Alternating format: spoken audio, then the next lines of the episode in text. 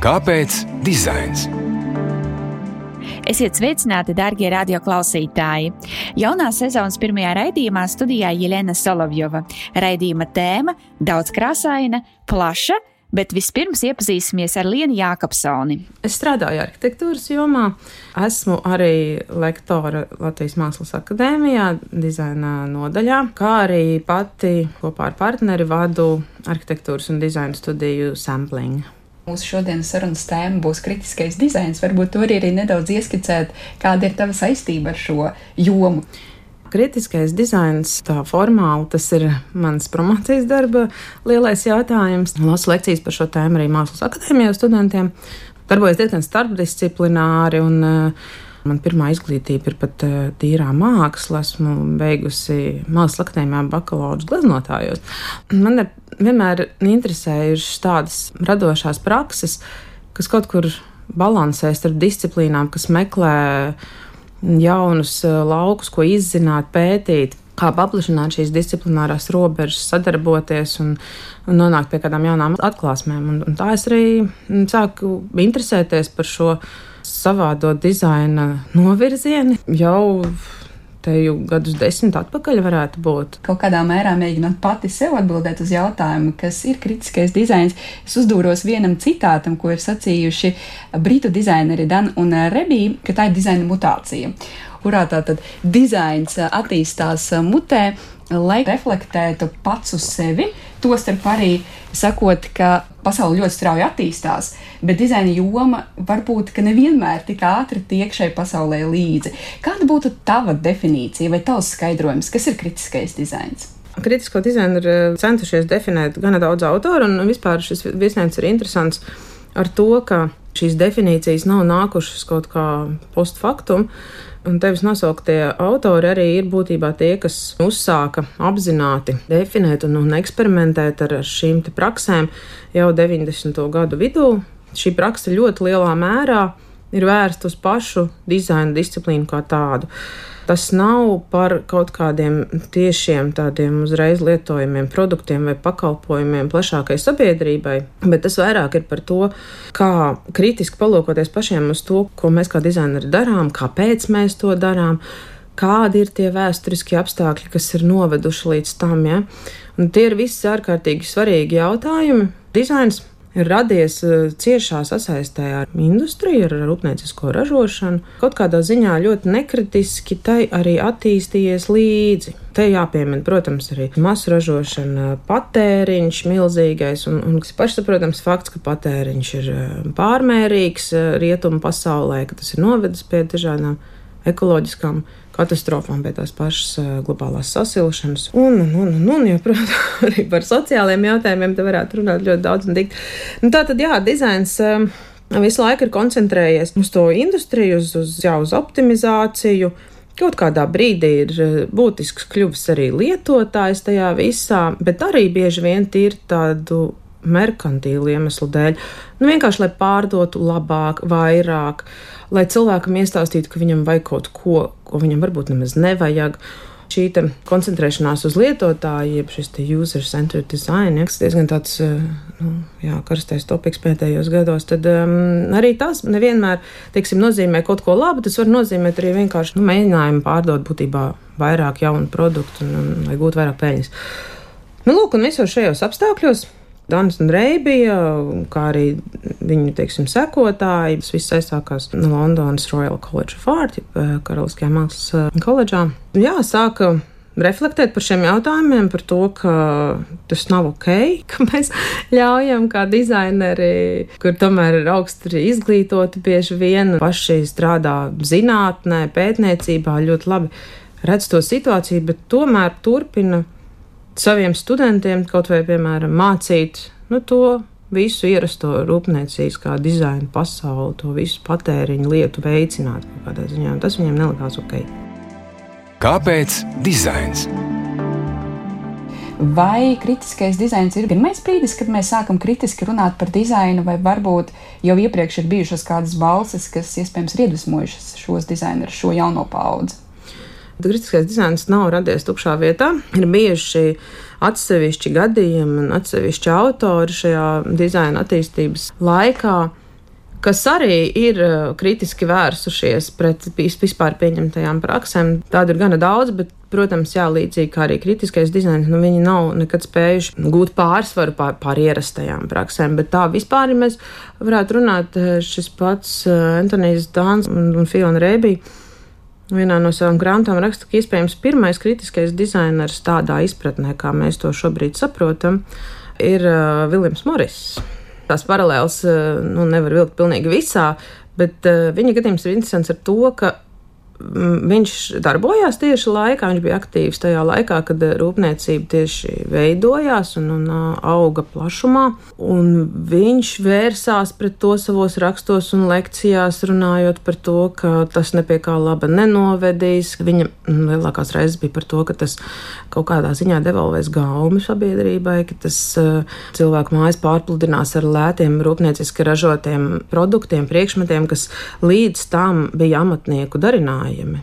Nu, ļoti droši vien augstvērtīgas lietas, eh, kur kāds bija veltījis daudz laika un pūļu, lai viņas radītu, un tagad tas nu, nāks būtībā no konveijera. Un kādā ziņā, protams, tas arī tā notika. Pēkšņi daudz vairāk cilvēku varēja atļauties sev visādas skaistas galdautiņas un spilventiņas un neciski ražotas traukas, nu, mājasēmniecības preces būtībā. Kas droši vien arī bija tīri glītas, bet nu, beigu, beigās iespējams, ka tās mājas arī izskatījās diezgan eh, kakofoniskas. Nu, tā tad eh, mēs šādā izpratnē runājam, tad eh, cilvēki, kas ir bijuši kaut kādā opozīcijā tam lielajiem notikumiem, tad, tad viņš varētu būt viens no tiem, kas ir pieminams. Bet tālāk, protams, viss tas spilgtākais vēsturiskais notikums ir tāda epizode, kas tiešām līdz tam nebija piedzīvota, ka nevis vienkārši tāds viens izolēts gadījums, bet vesels grupējums autoru vēršas pret vispār pieņemto praksi, bija tātad eh, itāļu radikālais, jeb antidizains 20. gadsimta 60. un 70. gados eh, galvenokārt Itālijā, bet ar kaut kādām atbalstīm arī Austrijā un citviet pasaulē. Viljams Moris iestājās pret kaut kādā mērā rūpniecisko ražošanu, lai atgrieztos pie tām cilvēcīgām vērtībām. Pēc mazliet mazāk, bet nu, gandrīz simts gadiem radikālais dizains atkal runā par to, ka mēs atkal bez mazvai esam tajā pašā bedrē, ka rūpnieciskā ražošana ir visu pārņēmusi gan dizainā, gan arhitektūrā. Tātad esenciālā pretošanās pret kaut ko, rūpnieciskā ražošana, globalizācija, kas no kurā brīdī ir bijis aktuāls pret ko tad mēs pretojamies šobrīd? Un vai kritiskais dizains vienmēr ir par pretošanos? Kaut kādā mērā, jā. Un tie pavērsieni jau arī bijuši likumsakarīgi, teiksim, ja Moris eh, un Ārts un Krāfts kustība darbojās laikā, kad ražošana kā tāda veidojās, tad, teiksim, radikālais dizains radās laikā, kad eh, parādījās arī plašsaziņas mēdīji, kas ļoti spēcīgi iespaidoja to, kā dizains vispār tika uztverts, izplatīts. Šis masu patēriņš eh, lielā mērā notika tieši pateicoties televīzijas un radio plašākai ienākšanai, kā zināms arī kritisko teoriju pārstāvi no Frankfurtas skolas, uz kuru idejām lielā mērā ir balstīts arī mūsdienu kritiskais dizains, ieviesa šo terminu kultūra industrija, ar to apzīmējot uh, visu to, kas ir uh, populārā kultūra, tā skaitā kino, presa, populārā televīzija, jau minētā radio un tā tālāk, kas tā tad viņu prāt ražoja viegli patērējamu kultūru, kas cilvēkus padarīja pasīvus un viegli ietekmējamus. Tātad cilvēkiem zuda šī modrība. Viņi vairs īsti nespēja izvērtēt faktiskos apstākļus, visi grib tādā pašapmierinātībā un tādā labsajūtā. Tas, par ko tagad ir mūsdienu kritiskais dizains, pret ko, pareizāk sakot, daudzas no šīm lietām nekur nav pazudušas. Taču ir nākuši klāt eh, vairāk citi aspekti, par kuriem raizēties. Teiksim, tādas lietas kā ekoloģija. 60. gados nevienam vēl nebija prātā. Nu, protams, arī pret industriju un pret uh, visu šo milzīgo peļņu, ko tā nesa. Mūsdienās uh, aktualizējies krietni vairāk ir šis jautājums par sociālo, politisko atbildību nu, pilsonisko atbildību tādā kaut kādā ziņā. Cik daudz cilvēku vispār vēl rietumu pasaulē apzinās uh, savas tiesības, savu spēju ietekmēt procesus, cik ļoti maza interese mūsdienās daudzās valstīs ir vispār par vēlēšanām, piedalīties tajās, kaut ko tur darīt. Sevišķi pie mums tas ir ārkārtīgi raksturīgi un aktuāla problēma. Varbūt ņemot vērā, ka kritiskais dizains jau tad arī ir, ir radies um, rietumu pasaulē, tad liela daļa tās kritikas vērsta pret uh, kapitalistisko sistēmu, pret to, ka mēs esam pieņēmuši to kā vienīgo pašsaprotamu un, un vispār realizējamo veidu, kā eksistēt. Savukārt kapitālisms iet roku rokā ar šo patēriņu. Tas ir par kapitālu uzkrāšanu. Tas, ka dizains ir ārkārtīgi būtiska šī kapitālisma sastāvdaļa, nu, tas ir nu, būtiskākajām lietām, pret ko kritiskais dizains mūsdienās arī vēršas. Jā.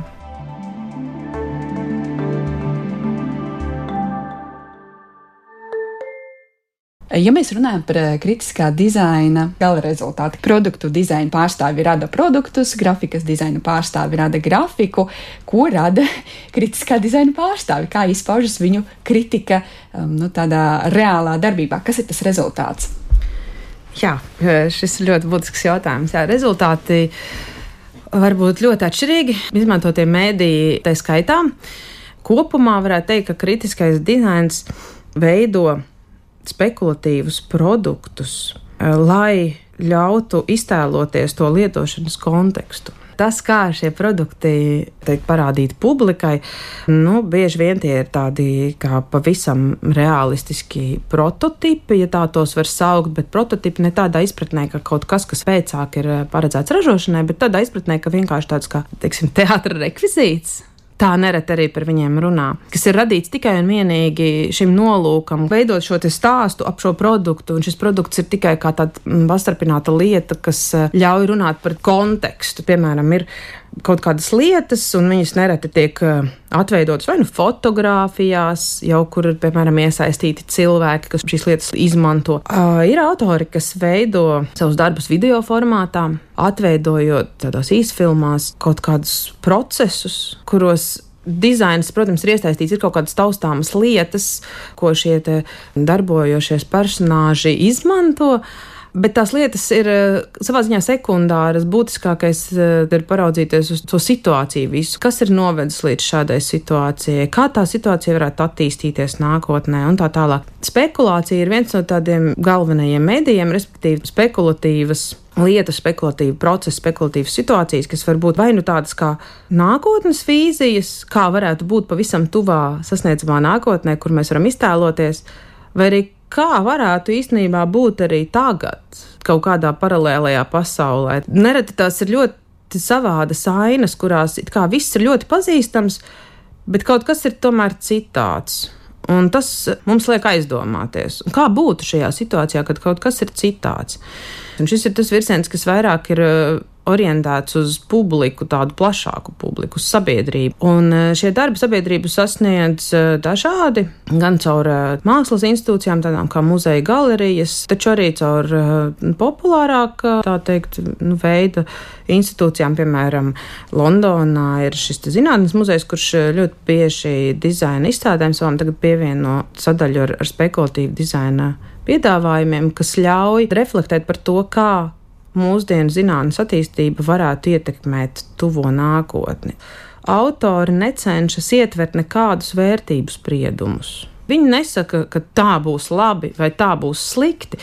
Tas tiek atstāts vairāk paša skatītāja ziņā, izvērtēt. Galvenais šiem autoriem ir tātad vērst uzmanību uz kaut kādām tādām situācijām, potenciāli varbūt bīstamām, potenciāli varbūt nevēlamām. Tāpat laikā varbūt arī, ka nekas traks tur nebūs, bet nu, vienkārši parādīt cilvēkiem to, kā varētu būt. Likt viņiem paraudzīties uz nākotni, kas mūs sagaida, atvērtāk. Likt saprast, ka mēs paši esam šīs nākotnes veidotāji. Tas ir viens no būtiskiem kritiskā dizaina uzdevumiem. Arī tāda iekšēja dizaina disciplīnas ietvaros, tādas kritikas ietvaros, ir būtiski, lai paši dizaineri saprastu, ka tas, ko viņi rada, tā jau ir tā mūsu nākotne. Tas, ko viņi rada šodien, tas, kas tiks īstenots, ieviests dzīvē vai palaists ražošanā, ka tas ietekmēs mūsu nākotni. Ja? Un kritiskie dizaineri tātad vēlas veidot apzināti tādas ļoti, nu, kaut kādā ziņā divdomīgas vai pat daudzdomīgas šīs vīzijas. Liena, bet vari padalīties ar tavuprāt spilgtākajiem piemēriem kritiskā dizaina, ko mēs varētu jā, arī klausītāji papētīt varbūt tuvāk? Jā, interesanti, ka kritiskais dizains, kā jau minēju, tam ir dažādi praktiski konteksti un pielietojumi, tā var teikt.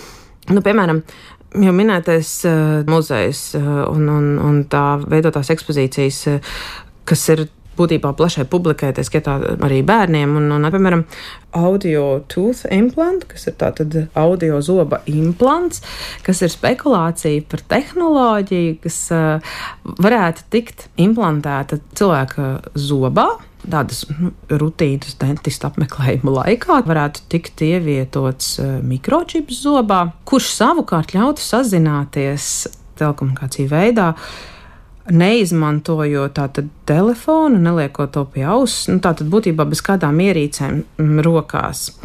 Jāpiemina gan, ka šis scenārijs rodas 2000. gadu sākumā, kad eh, telekomunikācija vispār vēl ir tā diezgan jauna lieta savā ziņā.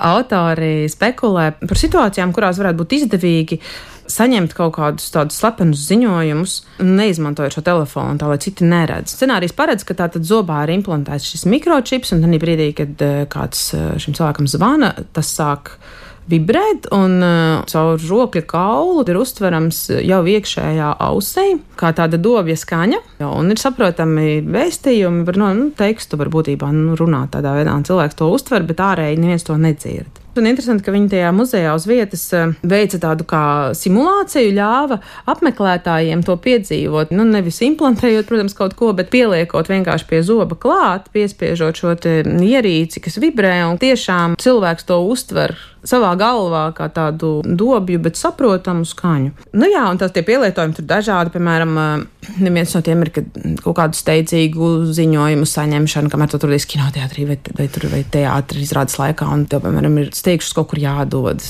vai, vai, vai kaut kādās profesijās, kurās tas ir būtiski arī saņemt nemitīgi kaut kādus updates, vai pat tāds pavisam praktisks modinātājs. Ja vienam no partneriem, kas guļ vienā gultā, vienā istabā, ir jāceļās agrāk kā otram, lai tad, tad viņš var saņemt savu modinātāju zvanu galvā sev un netraucēt savu blakus gulētāju. Nu, būtiski, jā, ka caur šo muzeja izstādi šis projekts piesaistīja daudz preses uzmanības.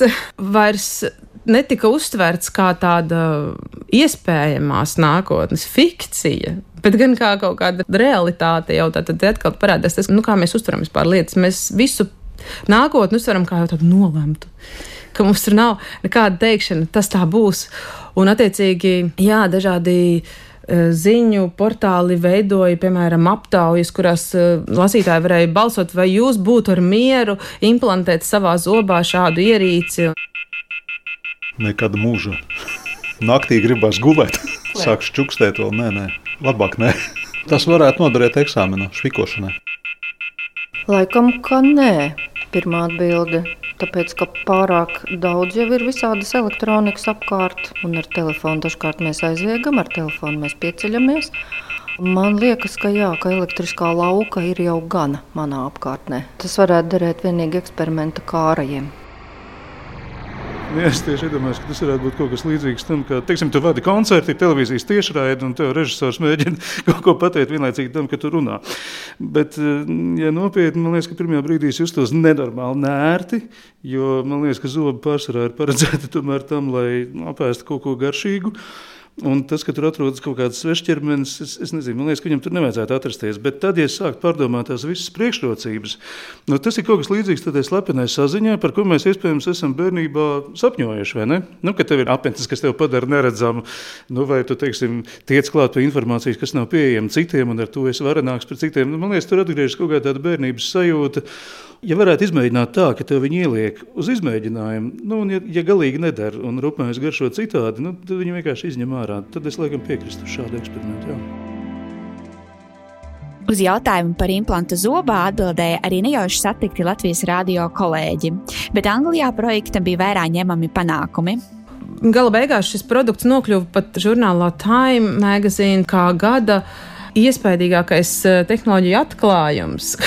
Kaut gan patiesībā no tehnoloģija viedokļa nekā jauna tur nebija. Tas, tā ir tīri fikcija, spekulācija par sociālajiem jautājumiem, par to, kas mums ir pieņemams eh, no tehnoloģiju attīstības viedokļa, kā mēs tās vēlamies izmantot. Jo tas, tas būtiskākais nav jau tā, ka viss tas progress ir tikai kaut kādās jaunās tehnoloģijās. Jautājums par to, kā mēs viņus pielietojam.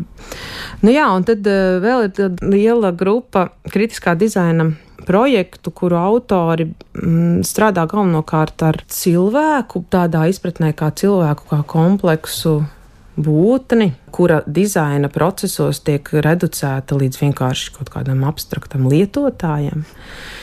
Tā ir kritika tātad arī pašai dizaina metodoloģijai, kas eh, pēdējā laikā lielu uzsvaru liek uz lietotāju izpēti. Turklāt būtiski, ka ikvienam dizaina produktam ir, ir vienmēr bijis svarīgi, lai tas netiktu kaut kā nesankcionēti izmantots, izmantots savādāk nekā tas tam ir bijis domāts. To mēs ļoti labi redzam tehnoloģiju jomā, piemēram, kur mūsdienās, jebkuras pat visvienkāršākās elektrotehniku mēs nevaram eh, remontēt vairs un tam līdzīgi. Tātad industrija attīstīsies tik tālu, ka lietotājs tiek uzskatīts tiešām par pasīvu lietotāju, un ka, ja pat viņam kaut kas tur noplīst, viņš nedrīkst piekļūt klāt tiem vadiņiem un viņus salabot. Jo viņš var eh, iekulties kaut kādās nepatikšanās, var notikt kaut kas briesmīgs. Tālāk, kas vēl var notikt, jā, viņš var vērsties atpakaļ pie ražotājiem pieprasīt kaut kādas kompensācijas. Vienmēr sakot, visi šie procesi ir nevēlami. Bet kaut kādā ziņā tas viss infantilizē to lietotāju. Nu, pat ir par tādu kā, nu kā tu pats nezini, ko tu māki, ko tu vari, kam drīkst pieskarties, kam nē. Nu, tāpēc eh, mēs kā ražotāji tev nolieksim visas šīs iespējas jau pašā saknē, pašā pamatā. Un otrs, jā, ka arī tā visa šī lietotāju klasifikācija un tā viņa neņem vērā dažādus, pirmkārt, saudabīgus gadījumus, kas neatbilst kaut kādām lielajām vērtībām, lietām, bet neņem vērā arī tādas, nu, kā savādības, kas patiesībā piemīt ļoti daudz cilvēkiem, bet par kurām vienkārši nav pieņemts runāt. Jā, lietotāji izpēta reti, kad pievēršās dažādiem tādiem jautājumiem, kas ir tādi jūtīgi, kaut kādas tabū tēmas un tam līdzīgi. Dažādas, nu, piemēram, fobijas.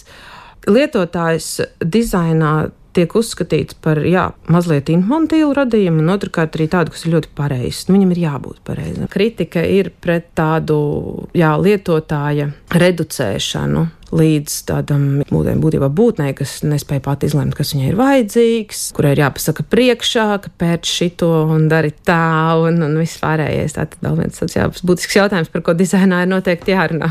Jautājums par robežām.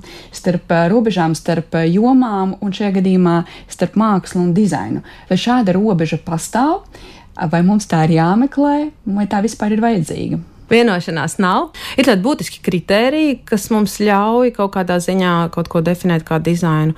Viens no tiem ir kaut kādā ziņā funkcionalitāte, bet te atkal jā, jāuzmanās. Viena no populārākajām dizaina definīcijām, kuras autors ir Hermans Simons, un tā saka, ka dizains ir tāda darbība, kas esošos apstākļus vērš vēlamajos.